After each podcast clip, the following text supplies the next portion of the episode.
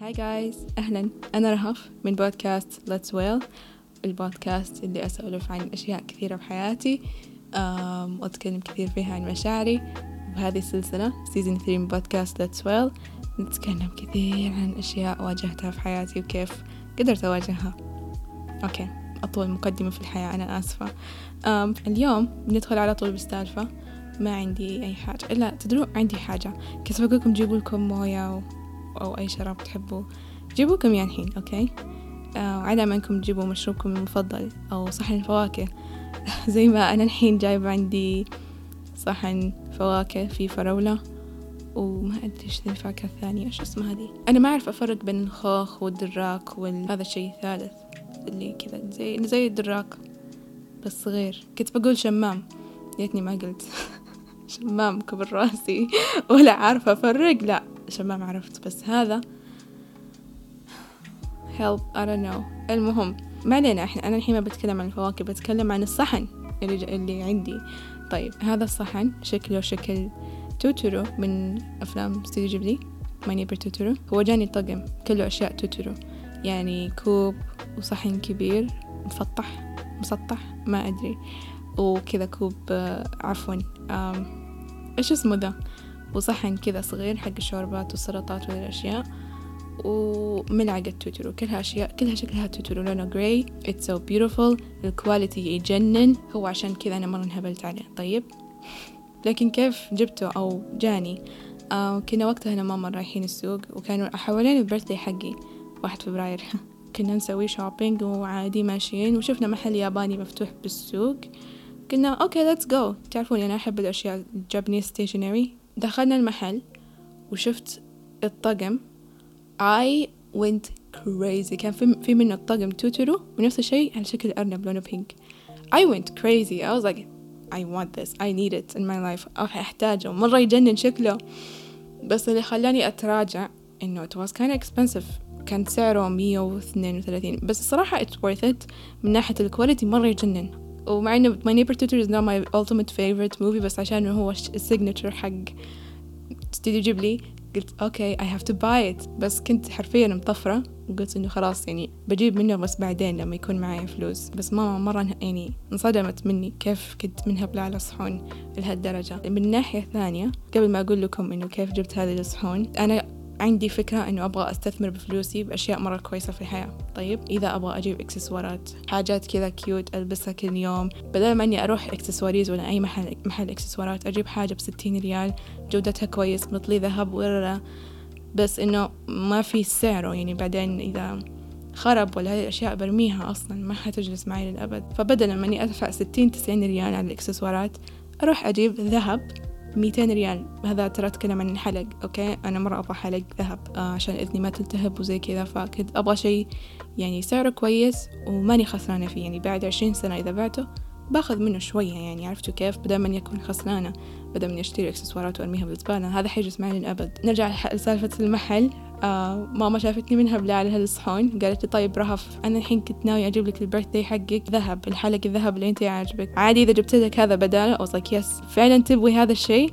قلت لها ماما. إيوه I need it قالت لي خلاص هذا ال birthday gift حقك. طقم صحون بدل اكسسوار ذهب أو بس آه هذه هي هدية ال birthday حقي.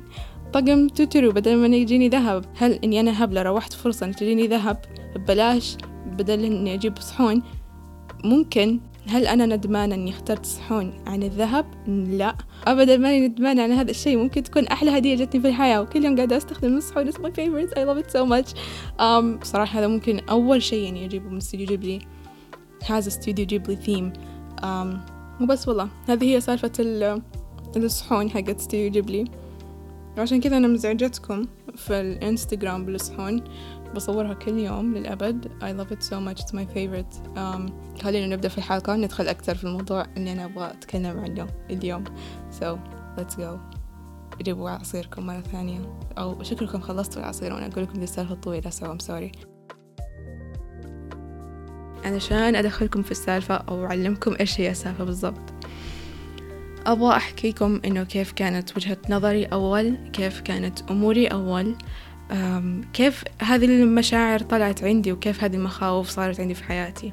أه، أحاول قد ما أقدر إني ما أكون مرة يعني آه، أسوي أو أهين أي شيء أو أي شخص ما أقصد أي إهانة لأي أحد أو أي شخص حياتي أو في الحياة بكل كلها يعني. آه، فأبغى بس أتكلم السالفة إنه كيف كانت وجهة نظري وكيف تغيرت الحين. طيب. أولا من يوم إني صغيرة شخصيتي انعزالية شوي. أحب إني أجلس لحالي أحب إني ما أدري يعني وقت الأكل أروح أجلس أشوف ميكي ماوس لما صار في عندنا آيبادز وآيبودز وهذه الأشياء كلها. اكتشفت شيء اسمه عالم اليوتيوب اكتشفت شيء اسمه creativity وعالم الخيال هذا كله. من ناحية كتابة القصص في Wattpad إلى كتاب إلى إنه واحد يسوي vlogs وأفلام على اليوتيوب. فأنا عن نفسي أخذت هذا ال inspiration كله في هذا ال community أخذت هذا الشيء من خلينا نقول جيل ال iPods وال iPad بس أنا ما أعتبر من جيل ال iPods وال iPad أعتبر من جيل ولا حتى بسمي نفسي جيل الطيبين ما لحقت على سبيستون MP3 was my thing. ممكن دخل ال iPod وال iPad بحياتي لما كان عمري was it 13 I think أتوقع إنه 13 سنة. أنا عن نفسي في هذاك العمر لما كنت teenager صغيرة توني داخلة في سن المراهقة. أشوف هذا الشخصيات هذول الناس الأوادم ال artists ال creative الناس ال fashionable يسوي لكم فيديوهات على اليوتيوب تصاميم المقاطع كنت مرة أهتم فيها التصوير ال music الأشياء ال creativity الأشياء الفنانة هذه الأشياء كانت مرة تلهمني. لكن وأنا جالسة أكبر ما كنت أشوف كثير ناس يعني مجتمعي أنا يعني ناس عرب أو حتى يعني البيئة اللي أنا كنت فيها المدرسة اللي كنت أروح لها الناس اللي أنا كنت أعرفهم في حياتي الشخصية. وكمان يعني ما كنت أشوف في أي واحد يعني طالع برا ال box. ما كنت أشوف هذا الشيء يعني عادي. أحس إنه الناس اللي هم يسووا هذه الأشياء بس هم الأجانب وهذا الشيء هم الوحيدين المقبولين عندهم. بالنسبة لنا إحنا العرب لازم تكون perfect علشان تكون مقبول في مجتمعنا.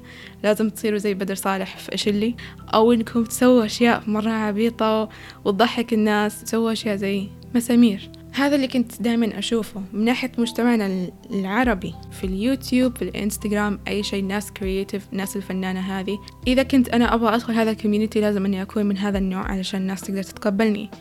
ولا ما أدخل أبدا هذا هو الأفضل.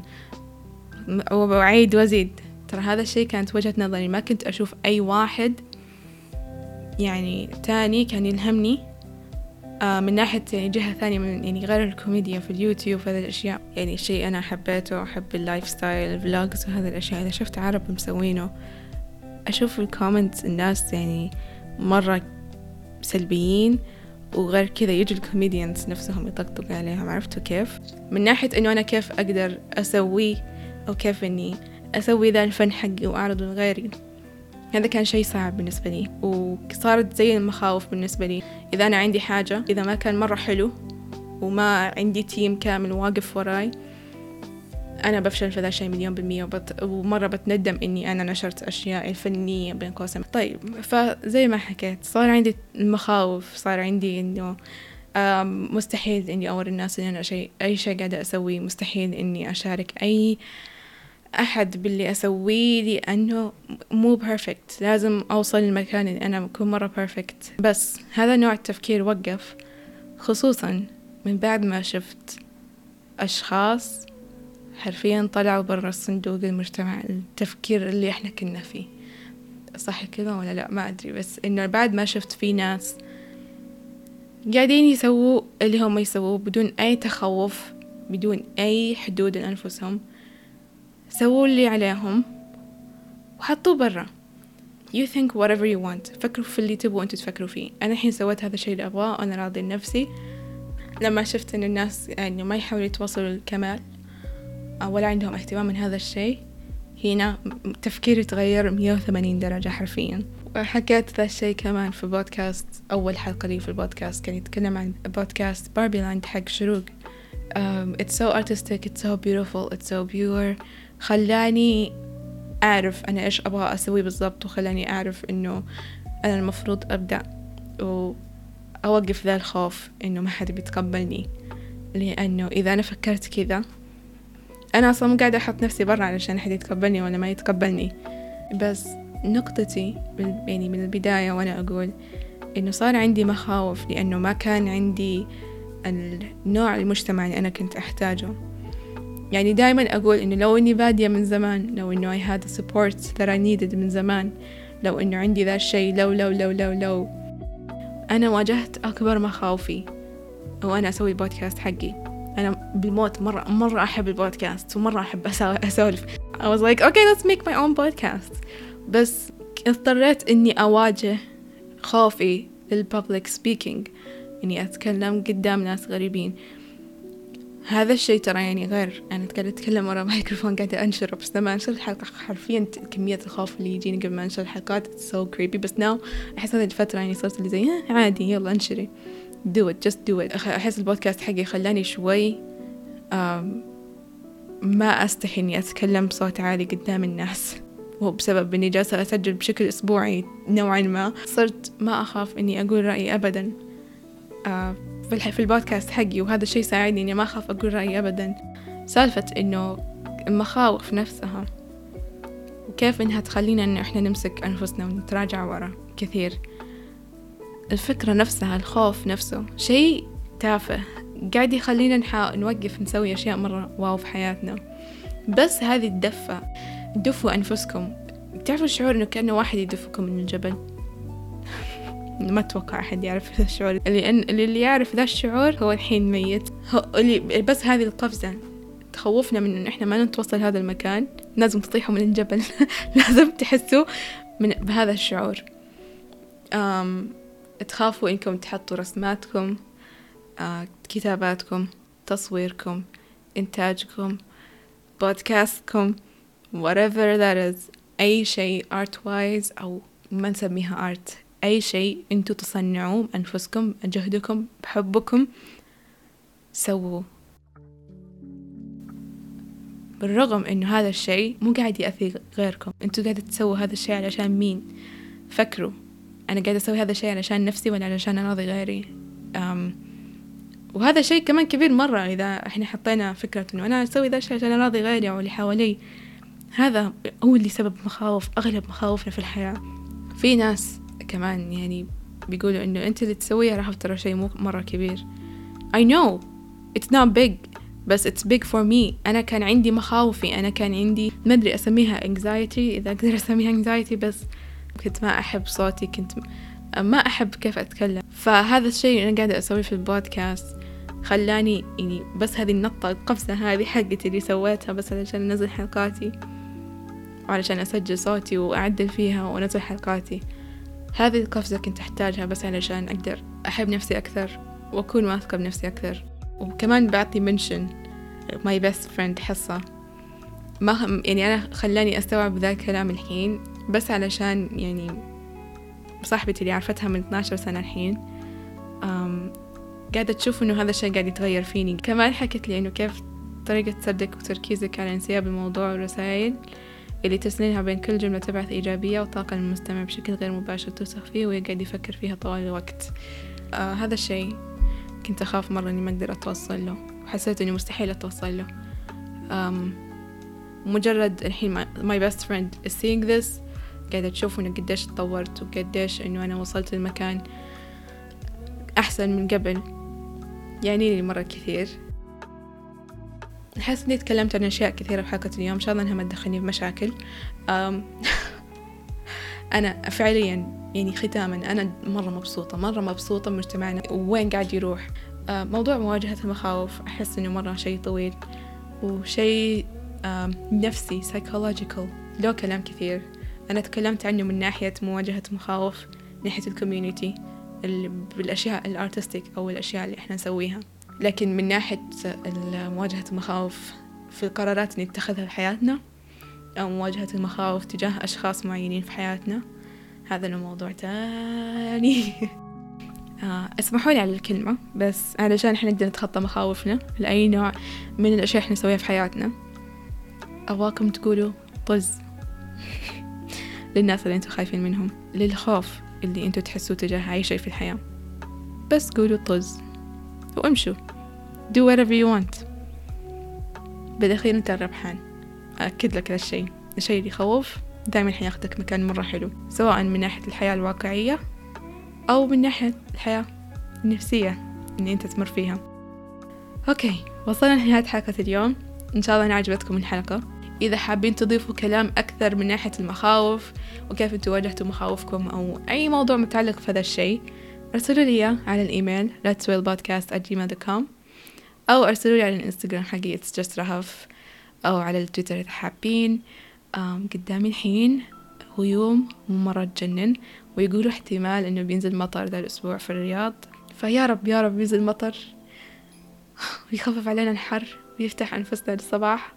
ويفتح أنفسنا الأيام الجاية. يا سلام بتكون أحلى إجازة عيد. وعلى فكرة هذه ممكن تكون آخر حلقة أم قبل العيد قبل عيد الأضحى. سو so, كل عام بخير. أم الله تخيلوا ينزل مطر في العيد. يا رب يا رب ينزل مطر. طيب خلاص يلا. آه بس أكل البودكاست. بديت أطول.